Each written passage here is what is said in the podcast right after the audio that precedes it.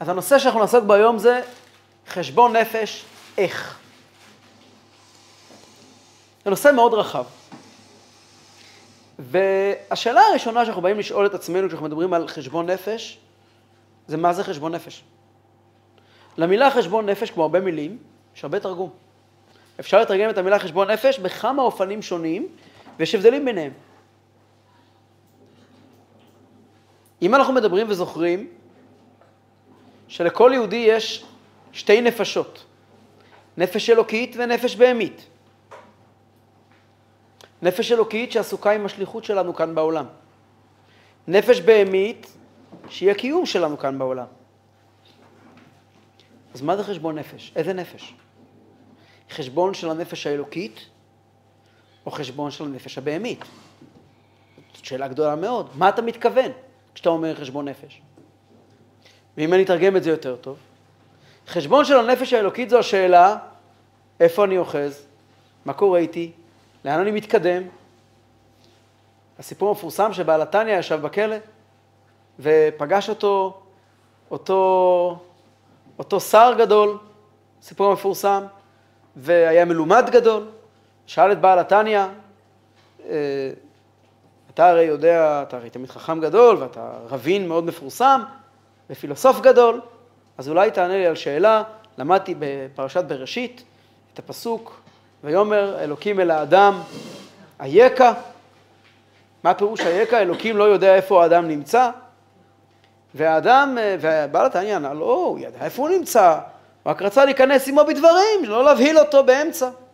אמר לו אותו שר לבעל התניא את מה שכתוב ברש אני יודע. אני שואל, מה אתה אומר? ובעל התניא ענה לו שזו קריאה מתמדת שהאלוקים קורא אל כל אדם בכל עת ושואל אותו אייכה, מה קורה איתך, איפה אתה אוחז? קיבלת ממני כבר כך וכך שנות חיים, ובעל התניא נקט במספר השנים המדויק של אותו אדם, ומה הספקת לעשות? איפה אתה אוחז במסע שלך? ובאמת אותו סוהר יצא משם, ועד כאן כולם מכירים את הסיפור, והסיפור הזה זה בעצם סוף של סיפור. יש לסיפור הזה הקדמה. פחות מדברים על זה, אבל יש לסיפור הזה הקדמה.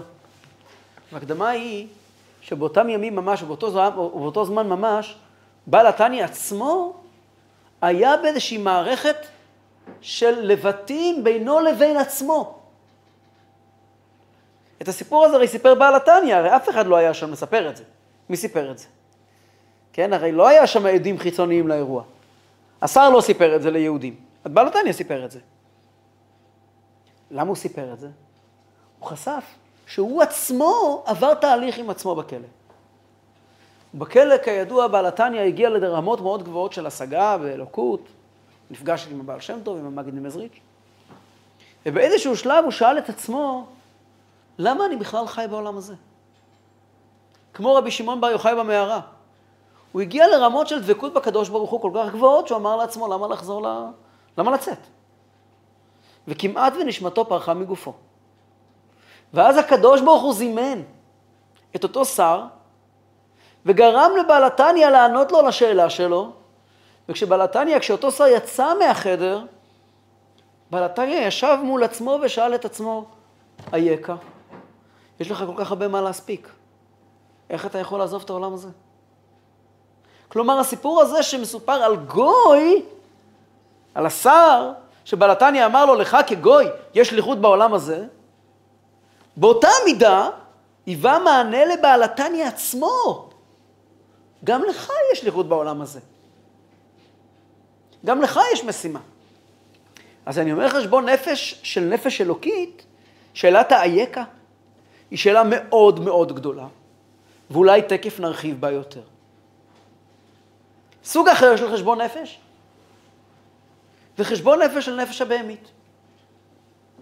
מה זה חשבון נפש של נפש הבהמית? בן אדם מגיע ואומר לעצמו, אני לא בסדר, איפה אני לא בסדר, איפה כשלתי, איפה נפלתי.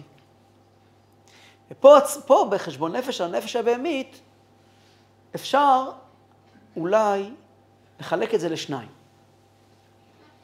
אני הייתי קורא לזה בשני, בשתי אפשרויות. אפשרות אחת לחלק את זה לשתיים זה לקרוא לזה תחקיר, וועדת חקירה. מה ההבדל בין תחקיר לוועדת חקירה? פה יש אשמה ופה יש בדיקה. פה יש אשמה, פה יש בדיקה. בתחקיר אני רוצה להבין, היום בבוקר, כמו בלילה, היה נס גדול, הוציאו שני חטופים ממרכז אה, רפיח, בניסי ניסים. הפעולה הוגדרה כהצלחה גדולה מאוד, לכל השיטות ולכל הדעות. שיהיה לכם ברור שמיד אחרי שהפעולה הסתיימה, מה עשו מיד? תחקיר. תחקיר. מיד עשו תחקיר. מיד ישבו אלה שצריכים לשבת במשרדים הנכונים, בקריה, וראו את הסרטים שאנחנו לא נראה לעולם, וראו את מצלמות הגוף של הלוחמים, ותחקרו את האירוע על פרטיו. אבל האירוע הוכתר בהצלחה, ולכן לא צריכים לתחקר. צריכים לתחקר כל אירוע, נכון? כמו שבעבודה שלכם, כל אחד בעבודה שלו. מסתיים אירוע, צריכים לתחקר אותו. לשבת. לראות מה היה מוצלח, לראות איפה אפשר לשפר, איפה לנהל. אז זה בעצם דרך של ניהול. אם, אני, אם, אני, אם אנחנו אה, אה, אה, נעמיק במה שכעת אמרתי, לתחקר זה לא ללכת אחורה, אלא ללכת קדימה. זה סוג של חשבון נפש. סוג אחר של חשבון נפש זה ועדת חקירה. מה זה ועדת חקירה? מה תפקידה של ועדת חקירה? אה, אה, מי אשם? איפה, מאיפה נובע, יש, חשיבות לוועדת החקירה. לא רק כדי uh, לערוף ראשים, שזו מצווה גדולה במדינת ישראל, ולא רק כדי שההמון המשולהב, ההמונים שאוהבים לראות דם, יזכו סוף סוף לראות כמה אנשים נכנסים לכלא ונשלחים מתפקידם אחר כבוד וביזיון ומושמצים בראש כל חוצות, שזה כמובן מצווה מאוד גדולה בישראל, אלא גם, באמת, כדי לדעת, יש בזה גם איזשהו אלמנט של תחקיר. אבל תחקיר עומק. לדעת באמת מה הביא לקלקול הזה, אולי סוף סוף יבואו אנשים ויודו שההתנתקות גרמה לזה. האם זה יעזור? אני לא יודע, אם רוצים בכלל להגיע לכזו מסקנה. לא רוצים להגיע לכזו מסקנה. טוב, נשאיר את זה לוועדת החקירה, לוועדת החקירה הבלתי תלויה, עלק. אז אה, בסדר, אנחנו לא בשיעור פוליטיקה. אז פה, בתחקיר עומק, יש פה גם אלמנט של אשמה.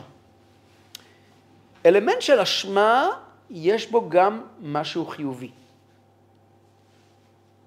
כי הוא קורא לפעולה. כי הוא קורא לפעולה. יפה מאוד. אז גם תחקיר לאחור, זאת אומרת, אם השביעי, בס... אחד מהביטויים הכי מקובלים היום, אתה מדבר כל כך שישי לאוקטובר. כלומר, אנחנו רוצים שהשביעי לאוקטובר יהיה אירוע שאי אפשר לחזור לסדר היום. כאילו תחקיר לא מספיק פה. אנחנו רוצים ועדת חקירה לא רק, בהחלט כן, כדי לערוף ראשים. למשל, ועדת מירון שהייתה. שהייתה, היא עדיין לא הסתיימה, התפקיד שלה היה להגיע לאירוע הגדול הזה, להילולה הגדולה שקורית במירון, באירוע שמגיעים אליו חצי מיליון איש בשנה, ולקרוע את ההר כדי, לא רק שהאירוע הזה לא יחזור, כדי לשנות משהו מהיסוד, חייבים להגיע לוועדת חקירה. כי ועדת חקירה, התפקיד שלה הוא ניתוח לב פתוח, שבסופו של דבר אמור להביא את הבן אדם לכזה זעזוע, את המדינה לכזה זעזוע, שמשהו אחר לחלוטין מתחיל. אז יש פה באמת סוגים שונים של חשבון נפש. אני יכול לחלק את זה אולי בצורה אחרת לשלוש, אמרתי מקודם, יש דרך אחרת לחלק את זה. סיפרתי לכם כמה פעמים בעבר שיש לנו לא שתי נפשות, אלא שלושה. שלוש. יש גם נפש השכלית, כלומר כוח הבחירה שלי. אז פה אני יכול לחלק את זה ככה. חשבון נפש של נפש אלוקית זה היקה. למה זה למה זה אלוקי בעצם? אני כבר אלוקי, כי השליחות שלי היא אלוקית. היא נצחית. השליחות שלי היא האלוקית שלי. האלוקית שלי זה השליחות שלי, זה כמעט מילים מקבילות. זאת יש לי משימה, יש לי תפקיד, ואני רוצה להתקדם. לצורך העניין, אם את מנהלת בית חב"ד, לצורך העניין, יושבים וחושבים, אוקיי, הכל הולך בסדר, אבל אפשר להסתפק במה שקורה עכשיו? צריך להיות פי מאה יותר טוב, נכון? זה היקה. או בן אדם בחיים הפרטיים שלו, מחנך ילדים, מגדל את הילדים שלו. אוקיי, אז אתה מגדל את הילדים שלך והכל בסדר, אבל זה כל מה שאתה רוצה להגיע איתם? לא הרבה יותר מזה? בשביל זה, בשביל זה נועדת? זה התפקיד שלך? היקה זה, זה בוסט עצום של, הלו, הלו, תתעורר על עצמך, תעוף, יש לך פה תפקיד, יש לך פה משימה. אתה לא העניין, יש פה משימה. נפש השכלית זה אני שואל את עצמי, היה לי בחירות כאלה ואחרות, אני רוצה לדעת מה הביא אותי למקומות כאלה, מה, לתחקר את האירוע, זה בדיוק נפש השכלית. מה הצליח לי, מה לא הצליח לי, מסקנות, כמו הבן אדם הוא לא... אה? זה בשלוש נפשות? כן. אפשר לקרוא לזה, נפש השכלית זה בעצם תחקור של אירוע. ונפש הבהמית זה כאילו, בוא נודה על האמת שאתה דפוק. עכשיו, ונעבור על החשבון נפש של כל אחד מהנפשות ומתי הזמן שלו. אז חשבון נפש של נפש אלוקית אייכה, כל יום זה הזמן שלו. אייכה, הקריאה שאומרת לנו עוף קדימה, זאת הקריאה הכי גדולה של טניה אלינו, זו הקריאה הכי גדולה של כל רבותינו הקדושים אלינו, זה מה שהרבי לימד אותנו כל היום. עוף קדימה, רוץ ודהר. רוץ ודהר. רוץ בבקעה ורוץ גם בהר. לא בגלל שזה הר אל תרוץ, פשוט תרוץ. הרעיון הזה שיהודי צריך לדעת שיש לי משימה גדולה, ויש לי מטרה גדולה, ואני צריך לרוץ על המטרה הזאת, ואז להגביר. להתחיל בהכי טוב שלנו ואז להגביר. הנפש האלוקית היא העיקר, ואם אנחנו מצליחים להגיע למצב שאני חושב רק על השליחות שלי, יכול להיות שאני מלא פגמים כרימון. שמה? יכול להיות שאני מלא פגמים כרימון. ויש לי אישיות מחוררת כמו גבינה שוויצרית. ואני זבל של בן אדם, תסלחו לי על הביטוי, אבל אני ממוקד מטרה, חדור בשליחות. אם אני חי ככה, אני חי הכי נכון שיכול להיות. כי הנפש הבהמית כאן כדי להישאר. ואם אני חדור מטרה, ומתעסק רק עם המטרה, יסבלו ממני פחות ופחות ככל שיעבור הזמן. זה לא יתקן את הבעיות של הנפש הבהמית, אבל הן לא יהיו רלוונטיות. כמו שחייל באמצע הקרב, לא באמת רלוונטי לו העובדה שהוא כבר שבוע לא החליף חולצה. אבל הוא מסריח. יהודי הגיע לרבי האמצעי, אחד מהסיפורים שהיו חביבים ביותר על הרבי מלובביץ'. הרבי חזר על הסיפור הזה עשרות פעמים, אני שמעתי בעצמי בהקלטות מהרבי, איך שהוא חוזר על הסיפור הזה ב- ב- ב- ב- ב- עוד הפעם ועוד הפעם. הרבי האמצעי אמר לחסידים שלו, לכו ותחזרו דברי חסידות בכל מקום ובכל מקום. היה אברך אחד, שהיה מאוד מוכשר, מסכן. והיה לו לשון מתוקה. היה ממש פה מפיק ארגליות. והיהודי היהודי היקר הזה, מוכשר, היה גם יפה כנראה, היה לו פה ככה, אה, היה תענוג להקשיב לו. והרבי אמר, אז הוא הפך להיות דרשן. הוא עבר מעיר לעיר, וכל מקום שהוא הגיע הוא אמר דברי חסידות שהוא שמע מהרבי, הם מיד היו עושים שולחן גדול וכולם היו מגיעים. בכל מקום שהוא יצא משם, מה קרה לגאווה שלו? התנפחה. הוא הרגיש שהוא עומד להתפוצץ מרוב סירחון. באמת מתפוצצים אגב. תמיד. נכון? הוא עומד להתפוצץ. הוא הולך להתפוצץ מרוב סירחון. הוא הלך לרבי. הוא אמר, רבי, אני מסריח מגאווה. אני רוצה לבקש מהרבי רשות להפסיק לחזור דברי חסידות. אמר לו הרבי האמצעי, תהפוך לבצל מסריח. חסידות תחזור. תהפוך לבצל מסריח. חסידות תחזור. כמה פעמים שמעתי את זה מהרבי? כאילו הכוונה, יותר חשוב... יותר חשוב שתעשה את התפקיד שלך מהגאווה שלך. תתפוצץ מרוב גאווה. תהפוך לדבר מסריח שאי אפשר לעמוד לידו. אבל אתה תועיל. התפקיד שלך הוא להועיל. האנשים שיושבים בחסידות שלך, הם מקבלים מזה כוח. הם, יש להם חיים אחרים אחר כך. הסיפור הפרטי שלך לא רלוונטי עכשיו. אתה בשליחות. משל למה הדבר דומה? לא סוד שבבית הרפואה מסתובבים הרבה רופאים שחצנים. ברור, ברור. נכון? נכון. אז אולי נפטר את כל השחצנים כדי שלא יהיו שחצנים? תנו לי עוד כמה שחצנים. אני צריך אותם בבית רפואה. טייסים.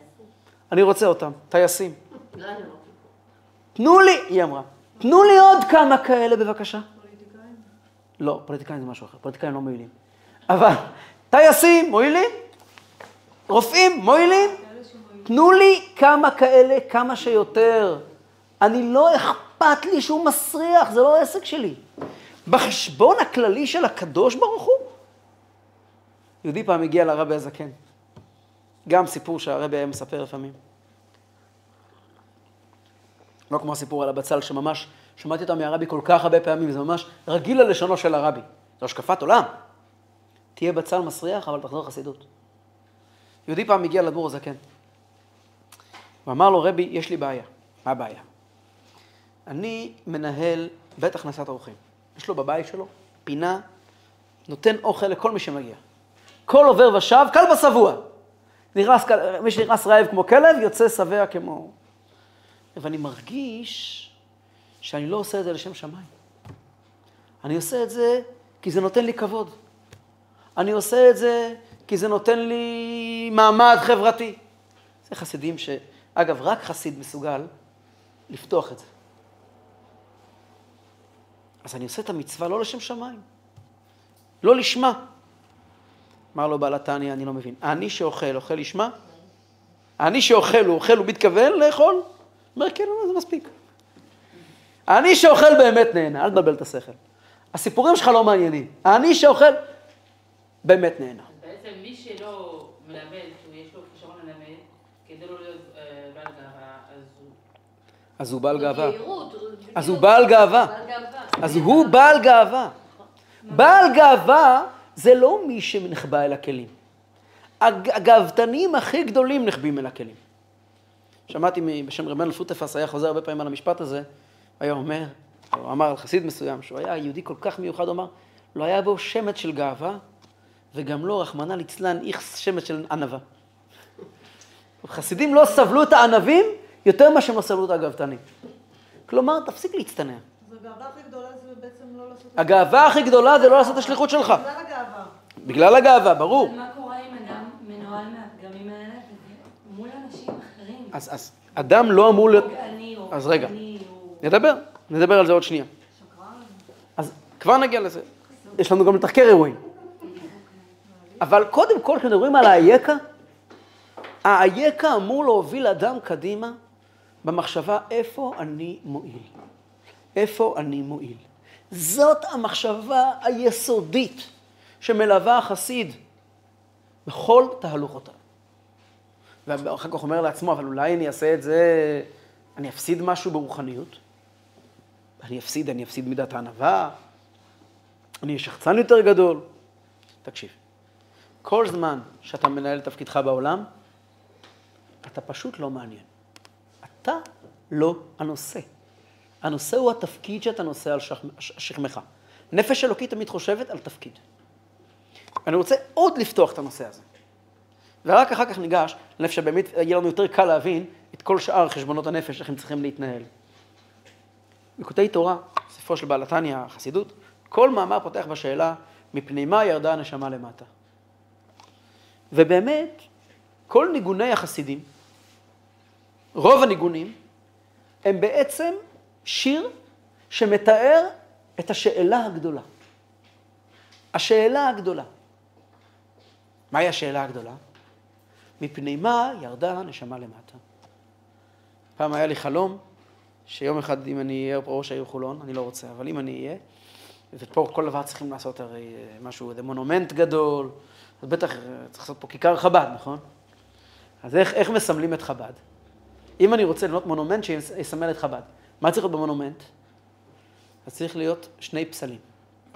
פסל ענק של סימן שאלה, ולצידו פסל ענק של סימן קריאה. וזאת חב"ד. סימן שאלה וסימן קריאה. כלי ואור. ס- לא, לא כלי ואור. סימן שאלה סימן וסימן קריאה. סימן שאלה זה מפני מה ירדה הנשמה למטה. סימן קריאה, יש לי כאן תפקיד. זאת הוראת חב"ד כולה על רגל אחת. ואידך פירושו. הסימן שאלה, כל ניגון חב"די שאתם מכירים, אני יכול לתת לכם איזה דוגמאות בלי סוף ניגונים. למשל, מתקרבים כעת לפורים. ניגון חב"ד הכי קלאסי של פורים זה ויהי בימי אחשוורוש. הניגון הזה, המילים ויהי בימי אחשוורוש, הוצמדו עליו אחר כך. בעיקרון זה ניגון בלי מילים. הוא הולך ככה.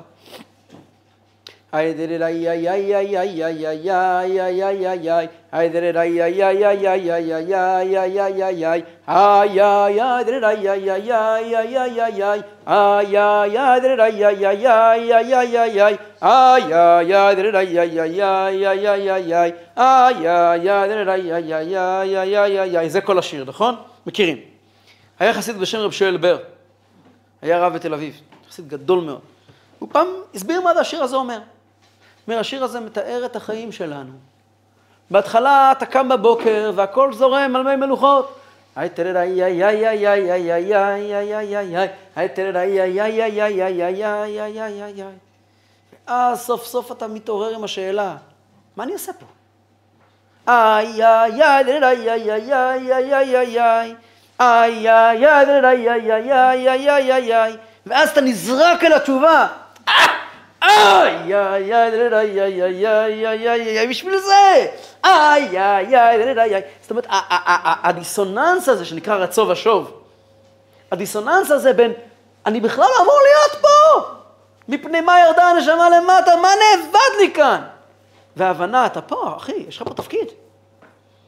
זה בעצם כל המושג של שליחות.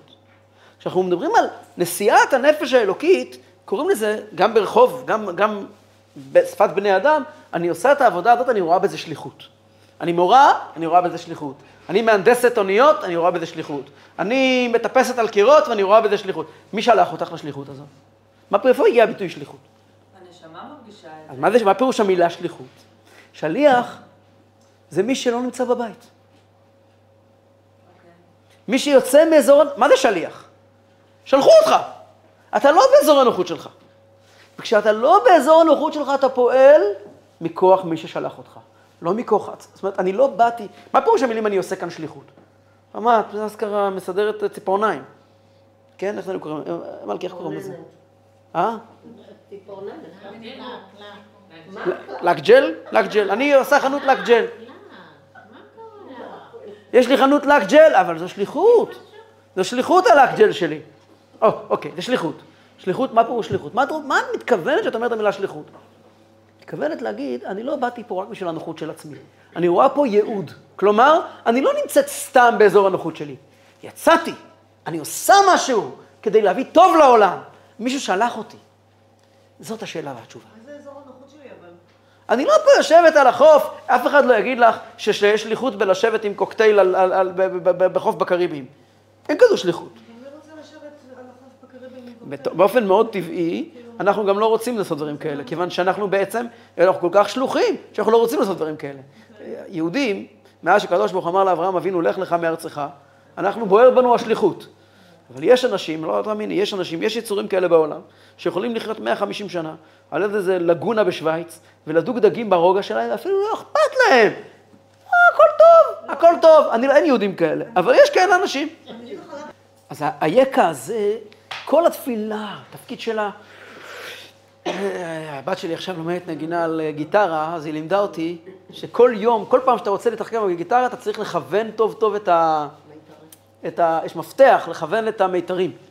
תפילה זה כל יום לכוון את המיתרים, למתוח אותם, עוד הפעם להתעסק עם השאלה, עוד הפעם להתעסק עם השאלה, עוד הפעם מפני מה ירדה נשמה למטה, ועוד הפעם מפני מה ירדה נשמה למטה, ועוד הפעם. וככל שאדם שואל את עצמו יותר את השאלת האייכה, הוא מדויק יותר, הוא נכון יותר, הוא פוגע בול יותר.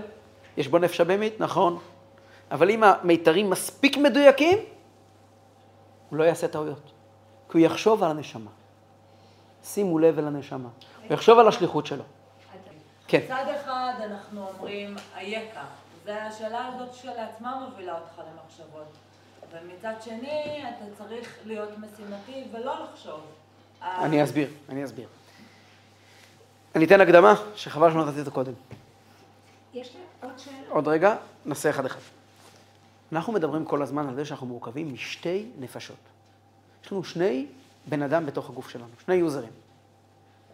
נפש אלוקית, שהיא חלק מהקדוש ברוך הוא, שנמצאת בנו. ונפש בהמית, שבה אנחנו בהמה כמו כל הבהמות. ב- בעל חיים מפותח. הנפש האלוקית רוכבת על הנפש הבהמית. כן, רוכבת על הבהמה. אנחנו אוכלים, שותים, ישנים, נהנים, אלף ואחד דברים, מהנפש הבהמית. אנחנו מובלים לשליחות, למטרה, לייעוד גבוה, באמצעות נפש אלוקית. עכשיו, המשחק בין הנפש האלוקית לנפש הבהמית הוא משחק סכום אפס, על השליטה בנו. אני יכול לעשות פעולה מכוח הנפש הבהמית, אני יכול לעשות את אותה, את אותה פעולה מכוח הנפש האלוקית. כלומר, אני יכול לאכול מכוח הנפש הבהמית, אני יכול לאכול מכוח הנפש האלוקית. אני יכול לאכול כי סתם, סתם כי בא לי. ואז אני משרת את הבהמה. ואני יכול לאכול כי אני צריך כוח כדי לטפל בילדים, כדי לבצע את השליחות שלי, כדי ללמוד תורה. ואז זה מכוח הנפש האלוקית. ספורטאי מצטיין יודע שהוא לא אוכל אם זה לא מועיל לו לספורט.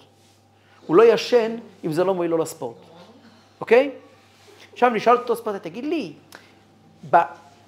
הצורך שלך במתוקים שאתה לא אוכל, כי אסור לך, ממה הוא נובע? עזוב, אין לי זמן עכשיו לזה. אני עכשיו באמצע משימה. טי- אה, אה, אה, אסטרונאוט בנאסא נמצא עכשיו במשימה במאדים, הוא אוכל בדיוק לפי ההנחיות שהוא קיבל, ושותל בדיוק לפי ההנחיות שהוא קיבל. יש לו רצונות, יש לו תשוקות, יש לו עולם שלם של נפש, אבל הוא כעת מוכוון מטרה. האדם השלם, האדם המדויק, אדם שפועל כמו, לא טועה בחיים, זה מי שכל הזמן, אנחנו לא נמצאים שם עדיין, אבל זאת היה, זה היעד שלנו, מי שכל הזמן זוכר שהנפש הבהמית היא בהמת רכיבה, עבור האידיאלים שלי, עבור האינטרסים שלי, כמו, אנחנו נמצאים שבוע לפני בחירות, שבועיים לפני בחירות, כמו שמסתובבים פה המועמדים לראשות העיר, הם לא עושים גרפס בלי לחשוב איך זה מועיל להם, איך זה מועיל, איך זה מועיל להם פוליטית. אני מוכוון מטרה. תגיד לי, מה אתה חושב על הבעיות שגורמות לך? עזוב, אין לי זמן לזה. זה האייקה. האייקה, חברים, איפה התקדמנו? בחירות עוד שבועיים.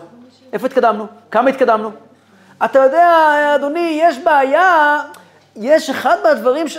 איך התקדמנו? זה מה שאני אומר. מצד הנפש האלוקית זה השאלה, איפה אני מול הייעוד שלי? מצד הנפש הבהמית השאלה היא, רגע, אבל מאיפה מגיעים לי המחשבות האלה? ולמה אני כל כך נוטה לבעיה כזאת ולבעיה כזאת? אלו שאלות חשובות, נדון בהן בזמנן, ויכול להיות שזמנן גם לא יגיע. מכיוון שזה לא דוחף אותי הלאה לפעולה. אם אני שולט בעצמי ברמת הניהול של מחשבה, דיבור ומעשה, אני לא צריך להזדקק למחשבות האלה. אז זה הנפש אלוקית. כל הסיפור של הג'ל היה כדוגמה כדי להביא איך אנשים משתמשים בביטוי שליחות, על כל דבר. על כל דבר. ואז, אז היקה. היקה זה השאלה, למה אני פה? יש לי פה תפקיד, בפרט עכשיו, אחד מהמילים שחוזרים על עצמם כל כך הרבה, ובעצם מניעים את ההצלחה של המלחמה הלאה. ראיתי היום מכתב שכתבו חיילים לרמטכ"ל, חיילים כנראה בכירים, כתבו מכתב, אנחנו מוכנים להילחם, ולהמשיך להילחם גם בצפון, ולהילחם איפה שצריכים אותנו, אפילו שכבר לא היינו בבית חצי שנה. למה? כדי שהקורבן של החברים שלנו לא יהיה לשווא. זה מילים של שליחות. מה הם בעצם אומרים? יש פה סימן שאלה וסימן קריאה. יש פה, אם נקרא בין השורות, למה החברים שלנו נפלו? כן, זה הסימן שאלה. למה אנחנו נשארנו בחיים? יש פה משימה. מה המשימה? כלומר, עבור, האם, האם יכול להיות שכל המלחמה הזאת הייתה סתם לשווא, סתם בלי, בלי תכלית? חייב להיות פה תכלית. הבן אדם מגיע ואומר לעצמו, הגעתי עד לפה, יש לי פה משימה, אני חייב לעשות משהו. הדבר הזה יכול להדחות אותנו בכל רגע בחיים. הרבי לקח את, ה, את השאלת האייקה הזאת לרמות של אומנות. אדם שמצליח לדייק את עצמו, יכול להגיע לרמה שכל רגע ורגע בחיים הוא שואל אייקה. כל רגע ורגע בחיים הוא שואל אייקה. וזה, זה, בוא נגיד, זה בעצם, אם אנחנו ניקח באופן כללי, אפשר לומר שזה גם מה שהרבי רצה מאיתנו. הרבי רצה שאנחנו נחיה בעולם שבו אנחנו שואלים את עצמנו כל רגע ורגע אייכה. וכאן אני ניגש לנושא ההפוך לגמרי של ועדת חקירת עומק. אחד המאמרים המכוננים של הרבי, מאמרים מכוננים ממש, פרשת משפטים תשי"ב. הרבי דיבר על דברי הגמרא, שאומרת על רבן יוחנן בן זכאי, איך הוא נפטר מן העולם. גמרא מסכת ברכות. הגמרא מתארת שרבן יוחנן בא לעזוב את העולם הזה, אז uh, תלמידים שלו נפרדו ממנו. רבן יוחנן בן זכאי היה נשיא ישראל, הנשיא היחידי שהוא לא מבית הלל. הוא היה נשיא חילופי. כאשר היה, היה המרד הגדול, הוא היה נשיא והוא הקים את יבנה. היסטורית, הוא אחד האנשים שהטביעו את חותמם על היהדות בצורה הכי חזקה שיש. אם יצטרכו לספור את נדע, עשרת האישים הכי גדולים בהיסטוריה של היהדות, הוא כנראה אחד מהם, ברמה כזו. הוא לא היה סתם אדם גדול, הוא היה מנהיג בסדר גודל אחר לגמרי. שני תלמידיו הגדולים היו רבי אליעזר ורבי יהושע, והם באים להיפרד ממנו כשהוא בא לעזוב את העולם. הם רואים אותו בוכה. שואלים אותו, רבי, למה אתה בוכה? אז הוא אומר להם, אני עוזב את העולם הזה, ויש לפניי שני דרכים. דרך אחת לוקחת לגן עדן, ודרך שנייה לגיהנום. ואיני יודע באיזה דרך מוליכים אותי. שואל בעל התניא באחד המאמרים, מה זאת אומרת, אתה לא יודע באיזה דרך מוליכים אותך? מה פירוש? אתה רבן יוחנן בן זכאי, נשיא ישראל, אתה לא יודע לאיפה אתה מגיע? מה, אתה משחק פה ענווה חס ושלום? משחקי ענווה? חס ושלום, אתה לא, אתה לא יודע מי אתה? אתה נשיא ישראל. אם אתה לא תלך לגן עדן, מי ילך לגן עדן? מה זה, מה זה המילים האלה? איני יודע באיזה דרך מוליכים אותי. אומר בעל התניא, לא, הוא ידע בדיוק לאיפה הוא מגיע. מה פירוש שאני יודע לאיזה דרך מוליכים אותי? אומר להם ככה, תראו, האדם קיבל מהקדוש ברוך הוא בעולם הזה שתי, שתי נפשות, נפש אלוקית ונפש בהמית. ובנפש הבהמית, בעומק, אדם גם נועד כדי לשנות את עצמו. אחת מהשליחויות, זה אדם צריך להשתנות. עכשיו, אני עשיתי טוב. למדתי תורה, לימדתי תורה, הנהגתי את עם ישראל, אבל אני בספק האם השתניתי בעומק של העומק שלי, מה שנקרא עומק רע. האם באמת שיניתי את הנקודה הכי הכי עמוקה בנפש הבהמית? ואני שואל את עצמי, האם אני צריך עוד לעבור גיהנום, אני צריך, האם אני הועלתי משהו בסיבוב שלי כאן בעולם הזה כלפי עצמי, האם תיקנתי עד הסוף? שואל הרבי, למה באמת הוא לא ידע? איש כל כך גדול, בטח היה עם המודעות העצמית הכי גבוהה שיכולה להיות, נכון? אז הוא אמור לדעת לענות על השאלה הזאת. עונה הרבי, לא היה לו מעולם זמן להתעסק עם השאלה הזאת. 120 שנה הוא חי, כתוב בגמרא שהוא היה דומה למשה רבינו, מבחינת החיים שלו, מבחינת הפעילות שלו. ומעולם לא היה לו רגע לעצור ולחשוב מה קורה אצלי בעומק העומקים של הנפש הבהמית. אומר הרבי, מה המסר? לא צריך להיות לך זמן לדברים כאלה. למה? כי יש לך משימה עכשיו לעשות. זה לא יותר מבחינה פסיכולוגית? עזוב, יש לנו משימה. אנחנו צריכים להיות משימתיים. אבל יש גם דרך למשימה. המשימה הזאת, אני, אני, אני רוצה עוד רגע לענות לך. נכון, אבל יש לנו מה שנקרא, ה- השאלה היא כזאת, בסוף למדנו בתניא, יש את הנפש ויש את המעשים. מחשבות, דיבור ומעשים. מחשבות, דיבור ומעשים חייבים להיות בשליטה כל הזמן. מה קורה בעומק הנפש? עזוב, אתה לא רבן יוחנן בן זכאי. וגם אם היית, גם אז, דקה לפני המוות אולי זה הזמן להתעסק עם זה. תפסיק לחפור.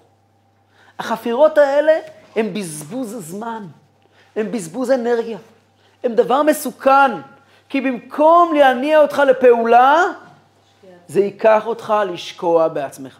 אבל כן אפשר לעדן. יש הרבה מקום לעבודה בוודאי, אבל השאלה היא, בואי נחזור חזרה לאיש עסקים. לפעמים צריכים פשוט לחשוב איך זה אצל איש עסקים. לו יצויר שאני מנהל רשת חנויות, ויש לי בעיית אגו נוראית, שמקשה על ההתנהלות שלי. ואני הולך ומזמין אליי למשרד קואוצ'ר, או מאמן עסקי, או מנטור, או ככל השמות שקראו לו חכמים. ואנחנו יושבים לפגישה אחד על אחד. אני באתי כעת, מה אני רוצה ממנו? שיכוון אותי. אבל מה אני רוצה ממנו? שייתן לי על הראש? אני רוצה ממנו, אני לוקח את כל הסיפור המאוד מאוד רגשי הזה, והמאוד מאוד קיצ'י הזה, ואתה יודע מה הבעיה שלך? הבעיה שלך היא שאתה שחצן, הבעיה שלך היא שאתה אגואיסט. את כל המילים האלה המלאות ברעל ובמיץ אני. ואני ניגש אליו ואני אומר לו, יש לי עסק לנהל, בוא נראה איך אנחנו מתנהלים מול העסק בצורה, איך אני מכבה את זה מול העסק, איך אני יודע לשלוט בעצמי מול העסק. זה תפעול, זה תחקור. ודאי. כשאדם עובד ככה, דיברנו על זה גם במפגש, אחד המפגשים הקודמים, זה מתקן הרבה יותר מהר. אין לנו זמן להתבשל במיץ של עצמנו. אבל זה לא אומר שאין כאן עבודה, יש כאן יש כאן עבודה, אבל העבודה היא, שוב, אם, אם הנקודה היא איך, איך אני נהיה יותר אפקטיבי מול השליחות שלי, אז שוב פעם אנחנו עוסקים בשליחות שלי. שוב פעם זה תחקור. שוב פעם זה משרת את האייקה. שוב, העובדה שיש לי נטייה לאובססיה, אני לא יודע מה, אני יכול לקחת אותה כעולם ולהתעסק בה בבוקר עד הערב. וזה יכול למלא לי ימים ולילות, ולשלם הון תועפות לפסיכולוגים ולפסיכיאטרים ולדודות וללא יודע מי, ולספר לכולם את הסיפורים שלי, ולהאשים את אימא שלי כמובן, ואת סבתא שלי, ואת הדודה שלי, ואת הילדות שלי הנוראה והאיומה, ואת המורה בכיתה ג' שלא ידע להכיל אותי ואמר לי פעם אחת משפט לא במקום. ואני יכול להאשים את כל העולם, ואפילו לא יאומן גם להיות צודק. אפשר להישאר בתוך המיץ אני הזה. בסיפור המוכר. כל החיים. יש כאלה גישות. חסידים היו אומרים, כשמחטטים בזבל, לפעמים עוברים ברחוב, יש פה, הכלבים פה בשיכון ותיקים לא מחונכים. לפעמים משאירים אוצרות על הכביש, נכון? לפעמים קורה. אז לפעמים זה מתייבש, ואז מגיע מישהו ואומר, איזה מין דבר, זה זה מגעיל, זה לא יאומן, זה לא מגעיל, מחטט, זה לא מגעיל. והריח עולה ועולה ועולה ועולה. אבל אם אתה משאיר את זה ככה ומתקדם קדימה, זה מתייבש ונגמר. חסידים היו אומרים, לא צריכים לחטט בזבל. אבל המוח שליט על הלב זה תהליך של... מוח שליט על הלב, יש שם פירוק של נפש אלוקית. זה לא פירוק. ו- לא, לא, לא, לא, לא. מוח שליט על הלב יש שתי פירושים. שתי פירושים מוח? שליט על הלב. מוח שליט על הלב, זה ההנחיה. המוח צריך לתת פקודות. הנקודה היא, ככל שאנחנו נהיה יותר מוכווני מטרה, אנחנו נהדק את עצמנו יותר ויותר מול נקודת אמצע אחת. וכשנדייק את עצמנו מול נקודת האמצע אחת, אוטומטית כל הנפיחויות וכל המוגלות וכל הבעיות יצטמקו לאפס. עובדה, קופת חולים מלאה במובטלים. אנשים שעובדים אין להם זמן להיות חולים. אדם שהוא... ולמה דיברנו על כנות שזה תנאי סף? כי כנות, כי בלי כנות, אדם- כי בלי כנות, אדם עלול להגיע למחלה בראש. מחלה בראש זה חמור מאוד. מחלה בר- בראש זה דבר נורא מסוכן. ברגע שאדם אין לו כנות ואין בו ציניות כלפי עצמו, הוא יכול להגיע. השם ישמור לאיפה הוא יכול להגיע.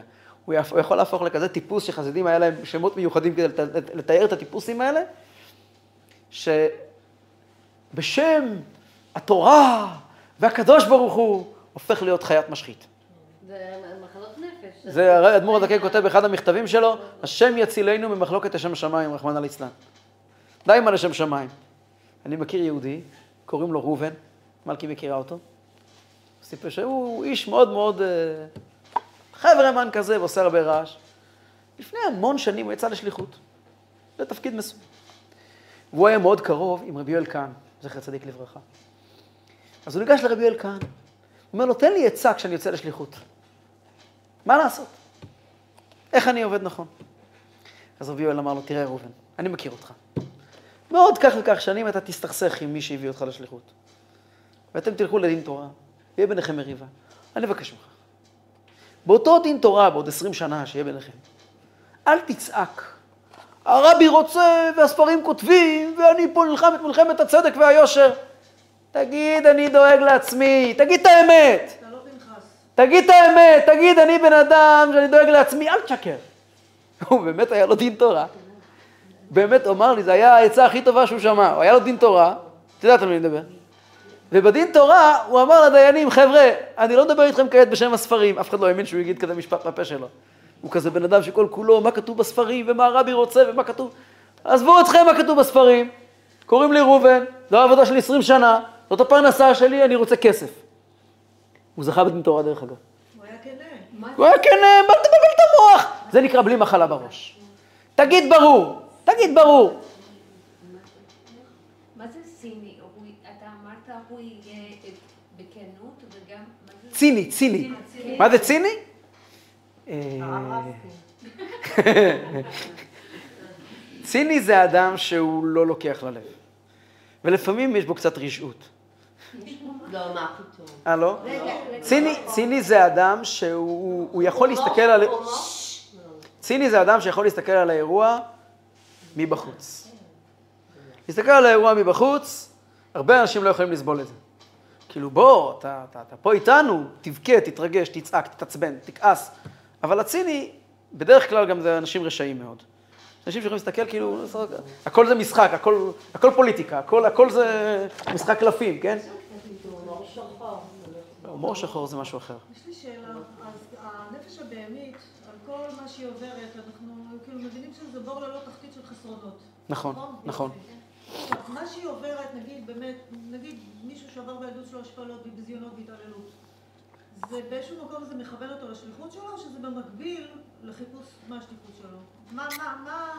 הגמרא מספרת על רבי אלעזר בן דורדיה, שלא היה עבירה שהוא לא עבר.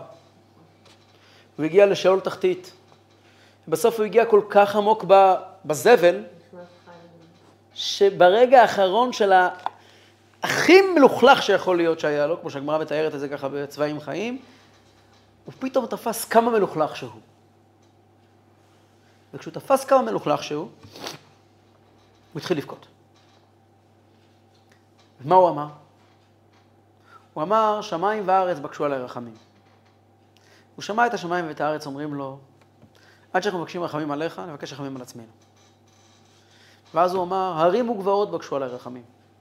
שוב פעם שומע, עד שאנחנו מבקשים רחמים עליך, נבקש רחמים על עצמנו. כל אחד אמר לו פסוק, כשנאמר כי הערים ימושו והגבעות תמות- תמותנה, ואז הוא אמר, כוכבים ומזלות בקשו עליי רחמים.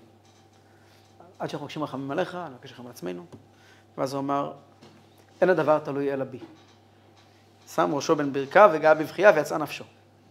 בחר רבי ואמר, יש קונה עולמו בשעה אחת. מה זה, מה זה הדיאלוג הזה שהוא אמר, שמיים וארץ בקשו על רחמים? מה, מה זה כל המילים האלה?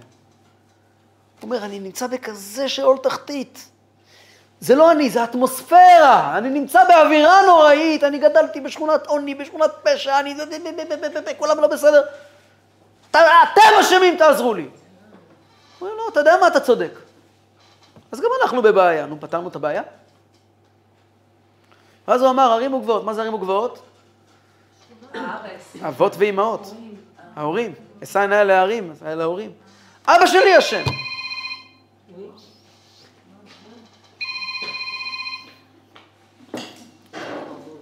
אבא שלי אשם, אימא שלי אשמה.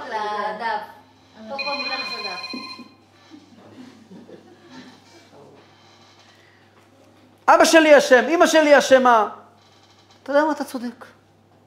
נו, ומה הועלנו? אנחנו גם בבעיה. המזל שלי אשם, יש לי אופי בעייתי. ככל יום מזלו, אתה יודע מה, אתה צודק. פתאום הוא אומר, אין הדבר תלוי אלא בי. הוא גילה, יש לי, מש... יש לי פה משימה, יש לי פה תפקיד. אני יכול לשקוע ב... במרמור עצמי, ולחפש את האשמים במצב שלי, ואולי, כמו שאמרתם מקודם, אולי אפילו חלילה וחס להיות אפילו צודק. זה הכי גרוע שיש. מילא אתה טועה, אתה אפילו גם צודק. אבל מה אתה מועיל? למה זה מועיל? יש לך פה משימה. צריכים להסתכל על החסרונות של הנפש הבהמית כסיפור רקע לחדר בריחה הזה שנקרא החיים. זה אפילו אמצעי. זה חדר בריחה שקוראים לו חיים. הייתם פעם בחדר בריחה? אתם נכנסים לחדר, הגיע הזמן. אתם נכנסים לחדר בריחה, מקבלים סיפור. אתם נתקעתם על אונייה שעוד רגע טובעת, יש לכם 20 דקות לברוח דרך הסיפון העליון, צריכים לפתוח, להפסיק מפתח מסוים. יאללה לעבודה. ואתם מתחילים להתקל, בכל מיני בעיות, בעיות ההוא ואיש שיר ההוא, וצריכים לפתור עשר חידות, עד שיוציא עשר חידות, עד שיוצאים מה, מה, מה, מה, מהחדר בריחה. יבוא אדם ויאמר, מה אני אשם שישארו עשרים דקות? אל תבוא לחדר בריחה. כשאדם זוכר, אני ירדתי לעולם הזה. סיפור הרקע שלי הוא שאימא שלי נוראית, לא אימא שלי. אבל כן, ככה מקובל. אימא שלי נוראית וסבתא שלי בלתי נסבלת ועברתי ילדות עשוקה. בסדר, כל, כל, כל הנתונים האלה, זה הסיפור רקע של, של, של, של, של החדר בריחה שלך. עכשיו תתחיל לבצע משימות. העובדה שאתה כעת נמצא בנקודה מסוימת, הכל פה תלוי באמונה. ההבנה, מה זה אמונה? ההבנה, רבה, מודה אני לפניך, שהחזרת בי נשמתי. היום, רבה אמונתך, יש בינינו אמון. אתה מאמין בי, אני מאמין בך, יש לי פה היום משימה. לא קמתי כאן בבוקר כדי להאשים אנשים, לא קמתי כאן בבוקר כדי לחפש אשמים. קמתי כאן כי רבה אמונתך, קמתי כאן כי יש לי כאן משימה ותפקיד. אז הזמן כבר עובר וחולף. ולא הספקנו לדבר על אלמנט נוסף. אנחנו דיברנו על זה, אני אסכם מה שדיברנו עד עכשיו. דיברנו על החשבון נפש, שהנפש האלוקית, איקה, שהיא כל היום זמנו הוא, וכל המרבה, הרי זה משובח. דיברנו על תחקור, שגם הוא צריך להתבצע, לעיתים קרובות לא דיברנו על מתי, ודיברנו על חפירות בעומק הנפש הבהמית, לחפש רפש בעומקים שלה, ואמרנו שזה מסוכן, גם אם יש בזה איזושהי תועלת, לא אמורים להתעסק עם זה, אין לנו זמן לזה. ישנם אבל עוד עניינים בנושא הזה, ואולי נקדיש להם את השיעור הבא.